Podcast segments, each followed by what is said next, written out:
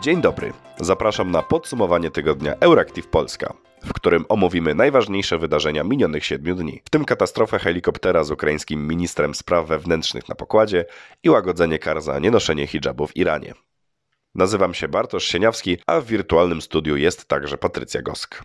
Realizatorką podcastu jest Kinga Wysocka. W Chinach w ubiegłym roku zanotowano pierwszy od 60 lat kryzys demograficzny. Chińczyków ubywa, rodzi się ich mniej niż umiera. W 2020 roku ujemny przyrost naturalny osiągnął liczbę 850 tysięcy. Według ekspertów to dopiero początek. Chińskie społeczeństwo jest największym na świecie. Chińczyków jest 1,4 miliarda, jednak już w tym roku, według szacunków ONZ, Indie mają prześcignąć sąsiada pod względem wielkości populacji. Chińczycy przez lata mogli posiadać tylko jedno dziecko. Dopiero od 2015 roku zniesiono tę zasadę, umożliwiając obywatelom państwa środka na posiadanie dwójki, a od 2021 roku trójki dzieci. Mimo to Chińczycy decydują się na zakładanie małych rodzin. Rosną też koszty życia i edukacji dzieci w Chinach, co sprawia, że coraz mniej kobiet kobiet decyduje się na posiadanie rodziny.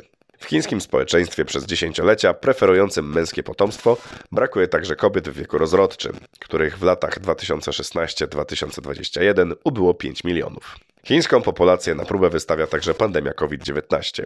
Od momentu zniesienia chińskiej polityki zero COVID w kraju miało umrzeć zaledwie 5 tysięcy osób. Jednak w czwartek Pekin ugiął się pod naporem światowych rządów i wyjawił, że od grudnia umarło już 60 tysięcy zakażonych koronawirusem osób. To pierwszy od 60 lat kryzys demograficzny w Chinach. Poprzedni wywołany był fiaskiem polityki wielkiego skoku naprzód i wywołaną przez niego klęską głodu. Brytyjski konserwatywny rząd przeforsował przez Izbę Gmin projekt, według którego około 4000 unijnych przepisów może stracić ważność. Nowa reguła unieważni wszystkie akty prawne wprowadzone do brytyjskiego prawa za czasów członkostwa Zjednoczonego Królestwa w Unii Europejskiej, chyba że unieważnienie danego paragrafu zablokuje rząd. Chodzi głównie o przepisy dotyczące praw pracy, ochrony środowiska i jednolitego rynku. Nie wszystkim ten pomysł się podoba, krytykują go nawet zwolennicy Brexitu. Krytycznie o ustawie wypowiedział się m.in. były minister do spraw wyjścia z Unii David Davis, negatywnie nastawiony do pomysłu, że to od rządu, a nie od parlamentu zależeć będzie, które prawa zostaną w mocy, a które nie. Jego zdaniem to już jest dyktat. W katastrofie śmigłowca w miejscowości Browary w Ukrainie zginęło kierownictwo ukraińskiego Ministerstwa Spraw Wewnętrznych, w tym szef resortu Denis Monastyrski. Rankiem 18 stycznia pod kijowską miejscowością wstrząsnęła eksplozja, po tym jak policyjny helikopter rozbił się w pobliżu przedszkola. W katastrofie zginęło łącznie 18 osób, w tym trójka dzieci. Zniszczeniu uległ też znajdujący się obok blok mieszkalny, plac zabaw i zaparkowane niedaleko samochody. Sprawę badają już ukraińskie służby, jednak nadal ma być za wcześnie na ustalenie przyczyn katastrofy. XBB.1.5, nieoficjalnie nazywany krakenem, jest jednym z podwariantów Omikrona, uchodzącym obecnie za najbardziej zakaźny. Według Światowej Organizacji Zdrowia dotarł już do co najmniej 38 krajów. W Stanach Zjednoczonych XBB.1.5 odpowiada za 43% przypadków zakażeń. Jak przekazało amerykańskie Centrum Kontroli i Zapobiegania Chorób, liczba zachorowań podwaja się za jego sprawą z tygodnia na tydzień.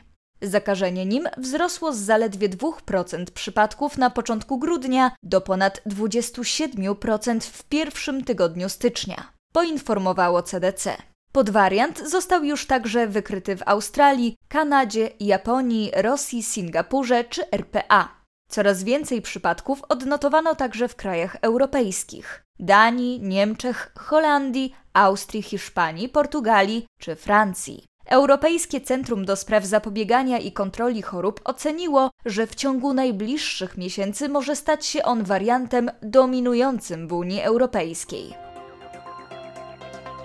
Odwołaną z powodu skandalu korupcyjnego Ewę Kaili na stanowisku wiceszefa Parlamentu Europejskiego zastąpi inny eurodeputowany SND Mark Angel. To efekt porozumienia trzech największych grup politycznych. O tym, że to miejsce nie powinno należeć się socjalistom, przekonywali jednak między innymi europosłowie tożsamości i demokracji. Środowe głosowanie to pokłosie afery korupcyjnej w Parlamencie Europejskim, w wyniku której dotychczasowa wiceszefowa parlamentu Ewa Kaili straciła swoje stanowisko. Za jej odwołaniem w połowie grudnia zagłosowało 625 europosłów, przeciw był jeden, a dwoje wstrzymało się od głosu. Uzupełnieniem prezydium parlamentu, w którego skład wchodziło dotychczas 14 wiceprzewodniczących i 5 kwestorów, europosłowie zajęli się na styczniowej sesji plenarnej.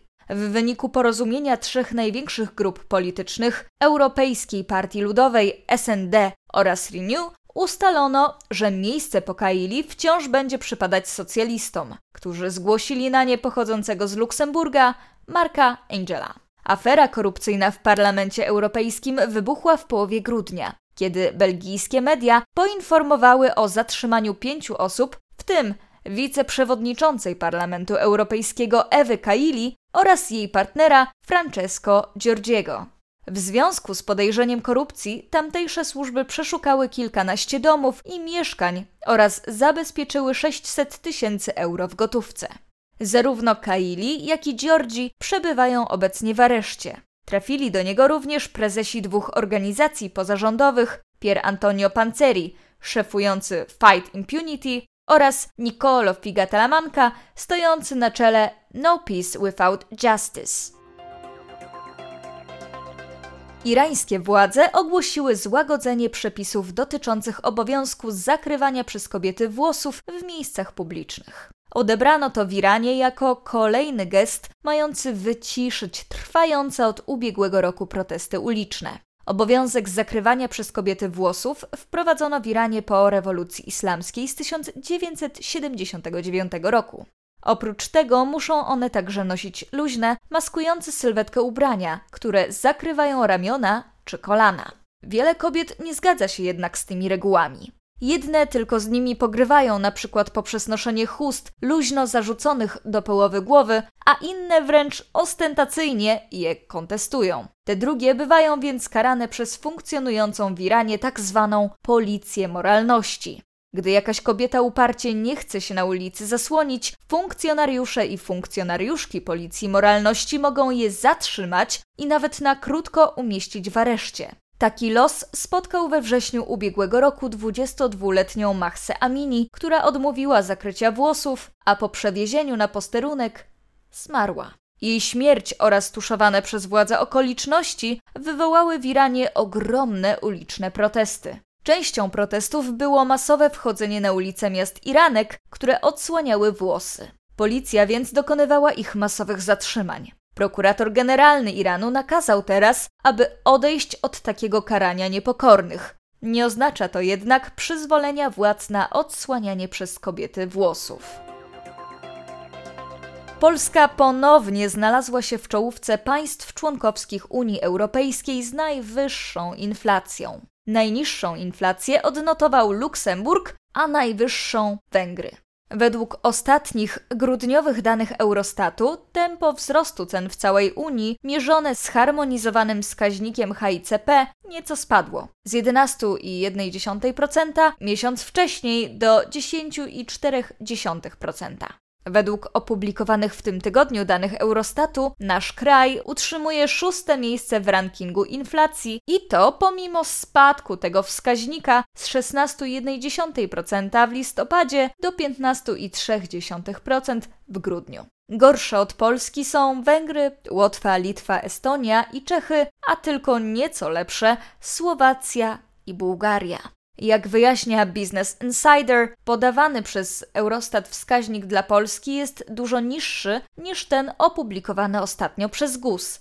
a wynika to z różnic w strukturze koszyka inflacyjnego między wskaźnikiem HICP i krajowym CPI. HICP prezentuje zmiany cen tego samego koszyka towarów dla wszystkich państw w Unii, a CPI tylko tego krajowego. To już wszystko w dzisiejszym podsumowaniu tygodnia Euractiv Polska. W imieniu całej redakcji życzę Państwu udanego weekendu. Do usłyszenia.